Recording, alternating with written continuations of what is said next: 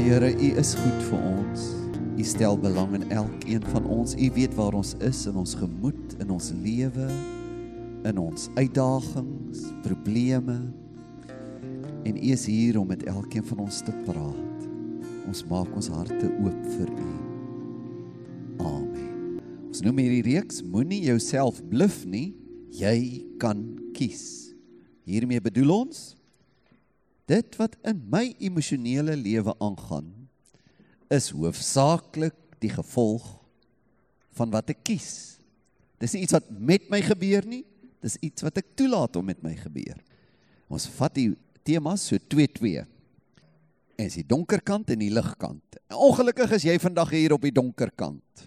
Volgende week gaan ons na die ligkant toe en ons noem hierdie uh, uh, uh, twee boodskappe so min tyd so baie om oor te huil. Ai, dis so bemoedigende boodskap. Wat 'n tema. Tongenetjies bedoelende wat maak ons met ons hart seer en hoe maak ons met blydskap? Vandag is ons aan die hartseer kant, volgende week aan die blydskap kant, so jy moet nou nie volgende week nie hier wees nie. Wetenskaplikes ontleed trane en dan sien hulle 'n mens se eie trane. As jy byvoorbeeld huil oor iets wat jou beïndruk wat mooi is, as hulle daardie trane onder die mikroskoop sit en vergelyk met trane wat jy dalk net oor 5 minute gaan huil omdat jy 'n slegte tyding kry is die samestelling van daai trane uit dieselfde oë heeltemal anders. Dit lyk anders. Trane wat jy huil omdat jy kwaad is lyk anders as trane wat jy huil omdat jy dankbaar of oorweldig is of as iemand dood is 'n ongelooflike ding dat ek wanneer ek huil verskillende soorte trane huil. Lyk heeltemal anders. Is nie dieselfde vloeistof nie en ek dink die Bybel praat ook oor veral drie hoofgroepe trane wat 'n mens in jou lewe het. Daaroor wil ek vandag met jou gesels. Eerstens trane wat ek moet hê. Sonder hierdie soort trane is 'n mens se blymoedigheid of positiwiteit selfs as 'n gelowige oppervlakkig en kunsmatig. 'n Gelowige is nie net bly nie. 'n Mens met net blydskap en positiwiteit sonder hartseer beïndruk nie en het ook geen krag nie. Het geen vermoë om regtig 'n verskil te maak nie. Het jy al gesien dat die Bybel ook sê God het trane? Kom ons kyk na twee gevalle van Jesus. Jesus net voordat hy gekruisig word, gaan so af met die heuwel op pad na Jerusalem toe. Die mense gooi palmtakke voor hom. Hulle skree Hosanna. Dis die redder, dis die seun van Dawid. Die fariseërs, die godsdienstige leiers maak hulle stil. Sê vir Jesus: "Here, maak hulle stil." Dan sê Jesus: "As hulle stil bly, sal die klippe uitroep." En dan kom Jesus by die stad. En kyk wat sê die Bybel. Toe hy naby kom en die stad sien, het hy daaroor geween. Hoekom hy Jesus? Ek wou nou moet dit wees toe ons om daar te wees te sien hier begin hy snik, hy huil. Hy huil en hy sê as jy tog maar geweet het, ja, ook in hierdie dag van jou, die dinge wat tot jou vrede dien, maar nou is dit vir jou oë bedek. Jesus huil Hy kyk na Jerusalem, maar eintlik is Jerusalem maar net 'n eksemplaar van elke dorp in die hele wêreld. Jesus staan eintlik by George. En hy kyk en hy huil.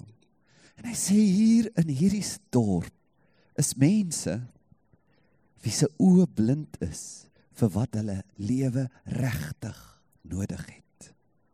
Hy huil daaroor. En dan maak hy voorspelling. En hy sê daar gaan verskriklike ding met Jerusalem gebeur. Daar gaan 'n oorlog kom, daar gaan 'n inval kom. Die kinders gaan verpletter word, gaan doodgeslaan word. Jesus huil daaroor. Omdat jy die gunstige tyd toe God jou besoek het, nie opgemerk het nie. Ons moet hierdie soort trane van Jesus ook hê.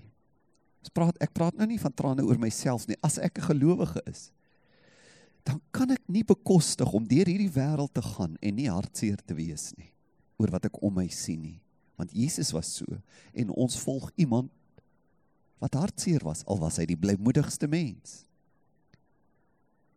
Jy moet hartseer in jou hê.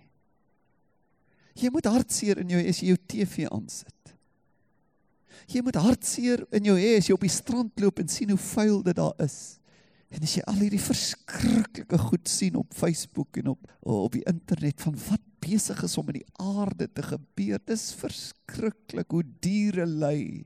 Dis verskriklik as ons om ons kyk die armoede, hierdie kindertjies vanoggend hier ons pakketas projek, ons winterkinders projek. As jy na die huise ingaan. Ek was nou die dag by die man wat ons tuin gewerk het, sy huis en dis verskriklik. Dis letterlik 2.5 meter by 3 meter en 2 of 3 mense bly daar.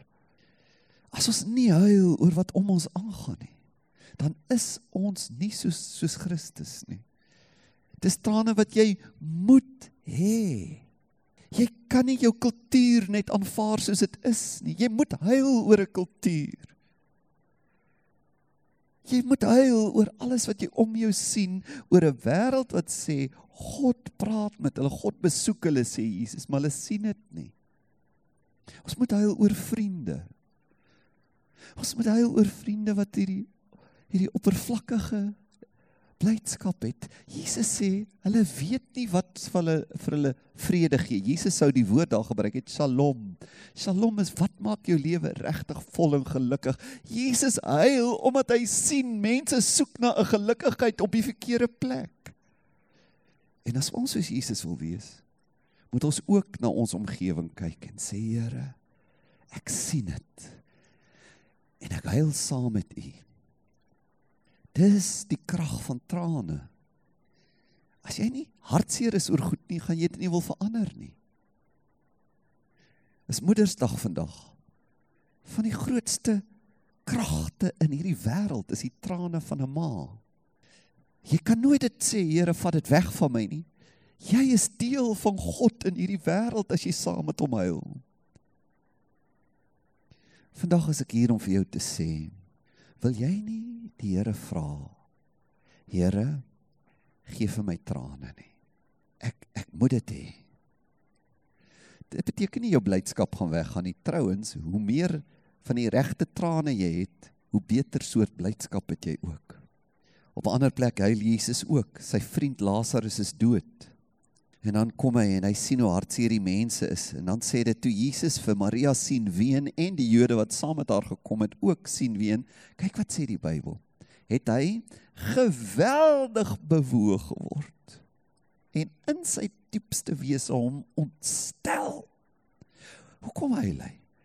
Natuurlik hy's hartseer, hy sien hulle hartseer, maar eintlik as jy regtig gesien wat daar gebeur, hy lê definitief nie net omdat hulle huil nie want hy weet man ek het soos die Engelsman sê I've got an ace up my sleeve. Ek gaan nou nou hierdie ou opwek.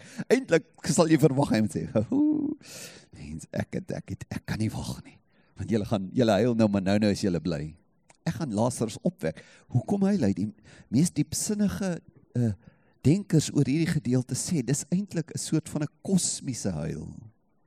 Dat Jesus huil oor die dood self Die feit dat God na sy skepping kyk en sê ons kom iets agter van wat in God se hart is. Hierdie is nie hoe dit moes wees nie. Die mens geskape na my beeld, eintlik die kroon, die toppunt van die skepping hier op aarde. Kyk hierso. Mense gaan dood. En hierdie hierdie geniale stuk wetenskap van die liggaam verrot in die aarde. Jesus huil oor die skande van die dood. Dis nie hoe God dinge doen nie. En as jy nie in daardie trane glo nie, as jy nie saam met Jesus huil oor die dood en sê ek kan my nie vereenselwig dat dit God se doel met die wêreld was nie. Nou huil ons. Ons huil saam met Jesus. En dan gaan hy na die graf toe en hy skree met 'n groot stem sê dit Lazarus kom uit. Dis asof Jesus iets voorspel. God gaan dinge verander en intussen huil ons. Ons sê elke keer as iemand doodgaan, elke keer as daar oorlog is, elke keer as 'n kind doodgaan, elke keer as iemand kanker kry, elke keer as daar 'n ongeluk is en iemand sterf, dan sê ons Here, ons huil saam met Jesus. Ons aanvaar nie God wou dit so.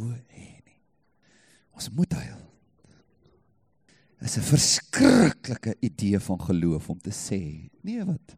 God is in beheer. God is al hierdie goed eendag sal ons dit verstaan. Nee, nee, nee, nee. In Jesus sien jy God huil. God se trane sê dinge is nie soos dit moet soos dit moet wees nie. En ons behoort ook so te huil. Want as jy so huil, dan begin jy soos Jesus raak. O, jy raak 'n liefdevolle mens. Jou oë verander jou teenwoordigheid is anders. Iemand wat wat huil oor goed wat verkeerd is, raak 'n ander soort mens. Kyk wat sê Paulus. Hy sê as jy so begin huil, dan word jy soos Jesus in die wêreld. Hy sê Christ's own sufferings fall to our lot as they overflow upon his followers. Christus se trane vloei oor na sy volgelinge toe. Ons moet soos hy wees. And we share and experience them abundantly. Natuurlik oor wat ons sien kosmies, maar baie kragtiger in jou eie lewe. Ek bedoel jou eie wêreld waar jy beweeg. Ek huil oor vriende. Huil oor hartseer om my. Huil oor hartseer kindertjies wat nie hierdie winterklere het nie. Daarom neem ek deel aan die winterkinderprojek. Elkeen van ons is 'n klein eksemplaar van die huilende Jesus. En so verander verander ons die wêreld. Kyk byvoorbeeld Paulus hoe hy ly. Hy sê in Filippense 3, hy sê want baie van wie ek julle dit dikwels gesê het en nou ook onder trane sê. Kyk kyk 'n prentjie. Paulus besig om te skryf vir hierdie gemeente. Hy sê en dan begin hy huil. Hy sê ek moet vir julle sê daar's mense wat vyande van die kruis is. Oral waar ek gaan, sien ek die Jode en ander. Hulle wil nie hê mense moet van Jesus hoor nie. Hy sê en ek huil daaroor. Ek huil daaroor dat mense so is uh, oor die Jode self, sy volk byvoorbeeld in Romeine 9 sê hy, ek praat die waarheid in Christus, ek lieg nie, my gewete getuig saam met my dat dit vir my 'n groot droefheid en 'n onophoudelike smart is wat met daai mense gebeur. Sê das Paulus sê dieselfde Paulus wat in hierdie selfde brief brief van Filippense geskryf het wees altyd deur bly. Daai selfde Paulus sê ek is altyd deur hartseer. Dis 'n paradoks. Maar die een is nie teenoor die ander nie. Volgende week praat ons daaroor, oor blydskap. Paulus sê ek het permanent trane, fisies of in my emosies. Ek hou nooit op huil nie. Is altyd iets hartseer. Jesus God as jy so is. Mag die Here ons help om reg hartseer te wees en die regte trane te hê. Daar's trane wat God nooit van jou wil wegvat nie. Jy help God huil. Jy help die wêreld verander. Tweedens is daar trane wat ek moet bring. Bedoelende die trane oor my eie lewe en my eie hartseer. Jakobus skryf 'n brief en hy sê hy sê vir die mense: "Julle sê julle bid en niks gebeur, niks verander in julle lewe nie." En dan gee hy een van die redes. Dis nie altyd die enigste rede nie. Hy sê maar een van die redes dat 'n mens kan probeer vorder met God en bid en en maar jy sien niks gebeur nie. Een van die redes is jy het God nie regtig so lief soos jy hom moet hê nie. Jy het 'n ander soort lewe liewer. Hy sê hy noem dit so, jy jy's 'n groter vriendskap met hierdie wêreld as met God. En dan sê hy, as jy dit begin agterkom, Here. Eintlik is hier iets in my. Hier's drange in my groter as my drang om God te ken. Dan moet jy begin huil. As jy dit raak sien en begin toegee aan daardie hartseer, want want God gee daai hartseer. As as ek dit agterkom aan myself, maar As iets in my wat God nie wil ken nie. En ek kry daai gevoel hier binne. Kyk wat sê Jakobus daaroor. Hy sê gee jou oor aan daai emosie. Hy sê nader tot God en hy sal tot julle nader. Was julle hande van julle sondes. Reinig julle harte as julle huigel. Bekla julle ellende, treur en huil. Laat julle vrolikheid in rou verander en julle blydskap in droefheid en dan kom buig voor die Here.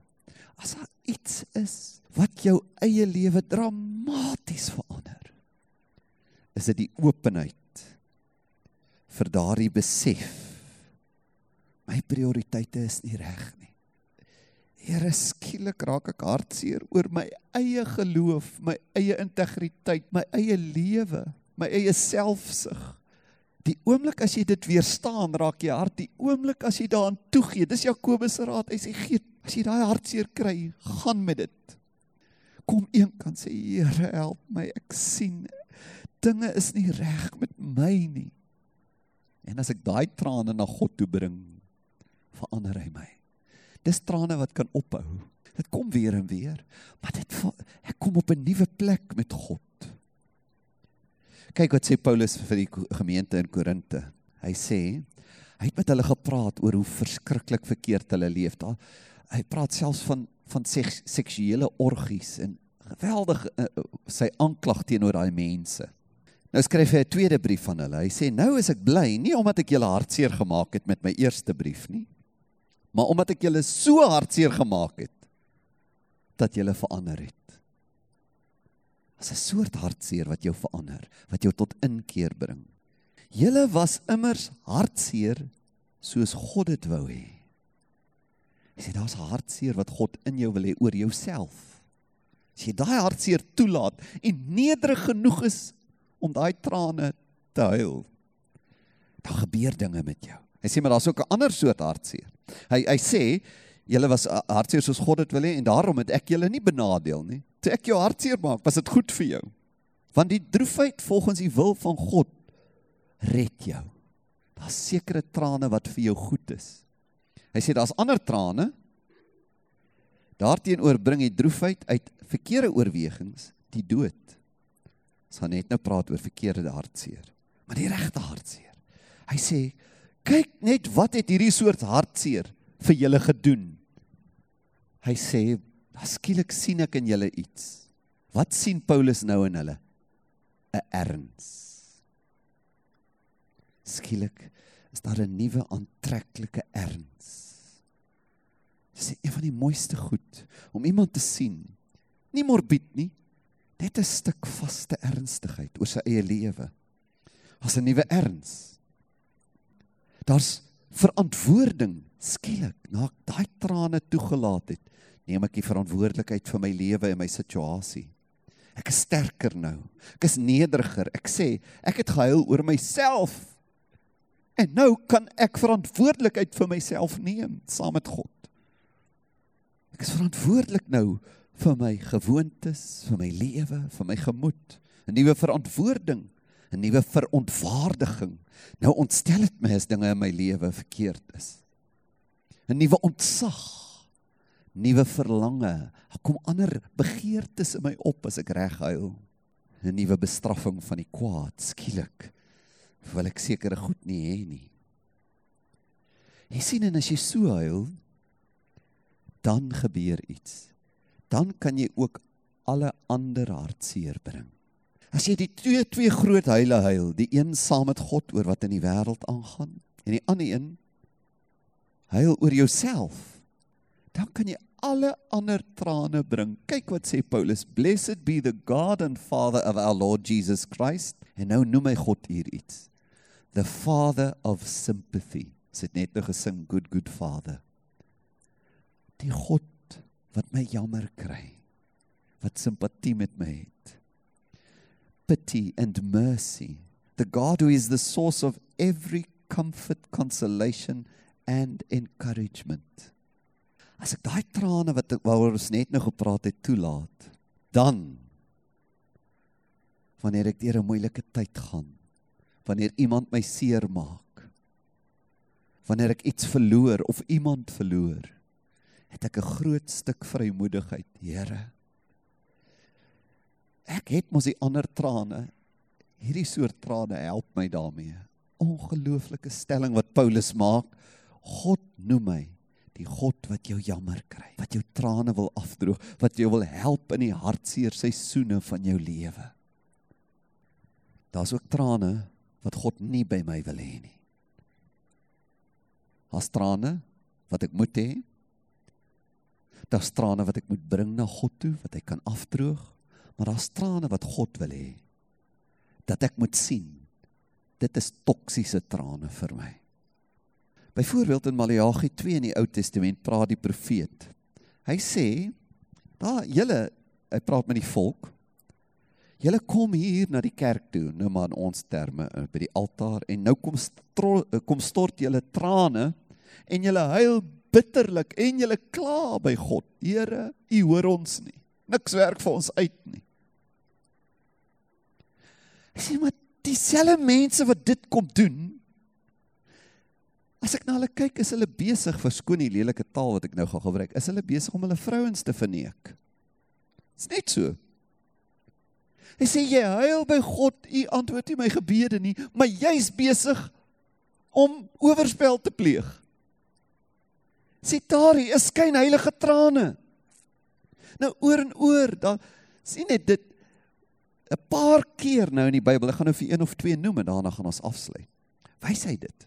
Soms huil ons oor hierdie ding terwyl ons 'n groter ding waaroor ek moet huil ignoreer. Sê daardie soort trane maak jou 'n skynheilige mens wat die probleme van jou lewe altyd as verskonings sal gebruik, want jy wil nie oor die regte goed huil nie. Here, ons is hier. Ek het U gevra om my te hoor. Niks werk uit nie, my besigheid werk nie uit nie, dit en dat. Maar hier ergens aan die ander kant wil jy nie huil oor die ding waaroor jy moet huil nie. Sê daai trane gaan jou vernietig. Byvoorbeeld Spreuke 23 Who are the people who are always crying the blues? Dis so mooi uit die uit die uh, message. Who do you know who reeks of self-pity? Who keeps beating up for no reason at all? Keeps getting beaten up.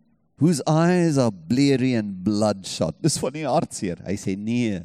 Dis van die baie wyn. Weer dieselfde beginsel. Hierdie ou so hartseer. O, het jy al gehoor as iemand dronk is, so begin hy huil? Party ouens. O, oh, my lewe. Ag, ek is so ver, ek moet nader. Hy sê dis skyn heilige trane. Plaas jy huil oor jou verslawing. Nou, terwyl jy jou oorgee aan verkeerde goed, huil jy oor ander goed. Skyn heilige trane is vernietigend. Ander 'n man byvoorbeeld, Daai ryk ou wat Jesus sê, kom volg my, verkoop jou goed, want Jesus weet, die ou leef net vir geld. Daai ou begin te huil. Hy sê raak baie bedroef.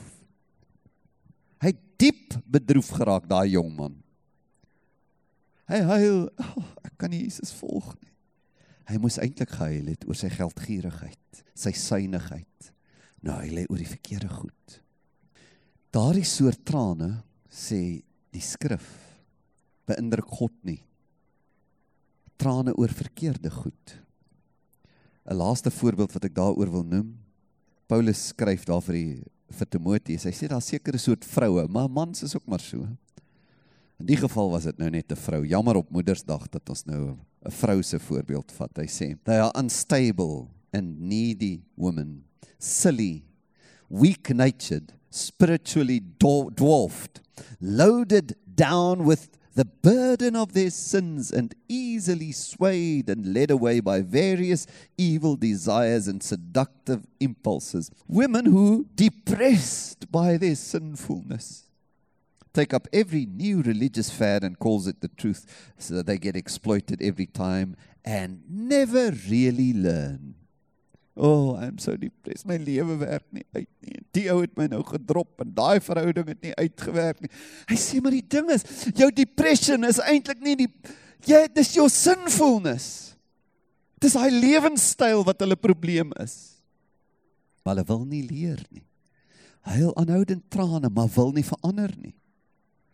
Jy, jy het mos seker al gehoor, iemand huil en sê, "Wag, weet jy, ek ek ruik net 'n tert."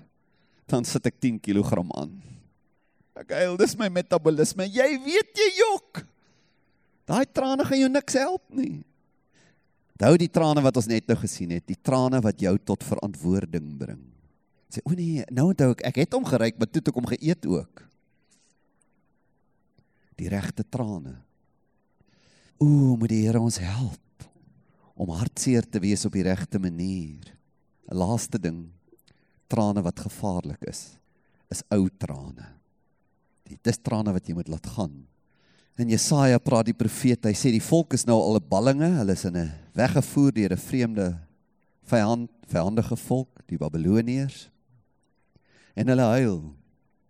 Hulle dink aan die ou tye, soos die volk in Egipte en hulle toe hulle in die woestyn was. En nou sê die profeet vir daai volk: Forget about what has happened. Vergeet dit nou. Don't keep going over old history. Los daai ou trane nou. O ons ons vaders het gesonde en ons ag die foute wat ons gemaak het nou is ons uit ons land uit. Hy sê asseblief stop dit net. Be alert, be present. Kom na nou toe. I am about to do something brand new. Don't you see it? Partykeer maak ons daai fout. Ons hy oor 5 jaar en 10 jaar terug. Ja, dit is so. Dit is baie hartseer as jy in jou 40's is en toe jy tiener is as jy gemolesteer, maar as lankal nie meer die probleem nie. Die probleem is nou hoe jy maak met daai probleem. Hoe jy maak met daai trane. Erns wil God vir jou wys jou lewe kan aangaan. Don't repeat old history. Forget what is happen, has happened. Erns kan kan jy sê, Here, my groter probleem is nou nie wat met my gebeur het nie. My groter probleem is omdat ek aanhou daaroor huil en nie na U toe kom dat hierdie trane kan ophou nie. Ek bly huil oor die sake vernoot wat my ingedoen het. Dis lankal nie meer my probleem dat hy my ingedoen het nie. My probleem is dat ek nog steeds daaroor huil en nie opstaan en sê dit moet verbygaan nie. Dis lankal nie meer my probleem wat my pa en ma gedoen het nie, is my probleem wat ek nou daarmee doen self. As trane wat jy nie kan bekostig nie en gewoonlik hoe ouer die trane, hoe gevaarliker. Want weet jy wat word hulle? Hulle word verskonings. Hulle word redes dat ek sê ek kan verskoon word om nou nie aan te gaan met my lewe nie want ah lê daai trane. O ek hou van hulle. Hulle is lekker. Hulle is soet vir my. Hulle beskerm my. Hulle help my om te sê die rede dat ek nie kan aangaan nie is nie my skuld nie. Daai gemaklike ou trane gaan jou vernietig. En die Here, die God van simpatie wil vir jou sê, jy kan ophou huil daaroor. Trouwens, jy kan nie meer bekostig om daai ou trane te hê nie. Laat dit gaan. So aan die einde van die diens Daar's drie soorte trane wat vir die Bybel praat. Watter van hierdie drie trane praat met jou? Eerstens, vra ek jou. Gee jy om vir wat jy om jou sien? Ontstel dit jou? Huil jy? Nie altyd fisies nie, maar weet jy dat daar 'n stuk hartseer is wat heilig is? En jy moet dit hê. En eers gaan jy 'n verskil kan maak. Tweedens is daar hartseer wat jy moet bring, hartseer oor jouself. Sê Here, verander my. Ek is hartseer. As jy dit begin doen, kan jy enige ander teleurstelling na hom bring. En derdens is daar hartseer wat jy moet laat gaan. Dis nie meer goed vir jou nie. Miskien sê die Here vir jou soos jou ma op Moedersdag dalk, sluk hy trane. Hou nou op huil, dis nou ou nuus. Staan op en gaan aan met jou lewe. Kom ons bid saam. Here, maak ons hart seer op die regte manier. Help ons om nie in ons dop gekruip te wees en nie te sien wat om ons aangaan nie. Help ons om te huil en te bid en te probeer help. Help ons ook om oor onsself te huil en te glo U wil ons help in ons skandes maar ook in ons pyn. En help ons Here om daardie ou selfbejammerende trane te laat gaan. Op te staan, u hand te vat en te lewe. Amen.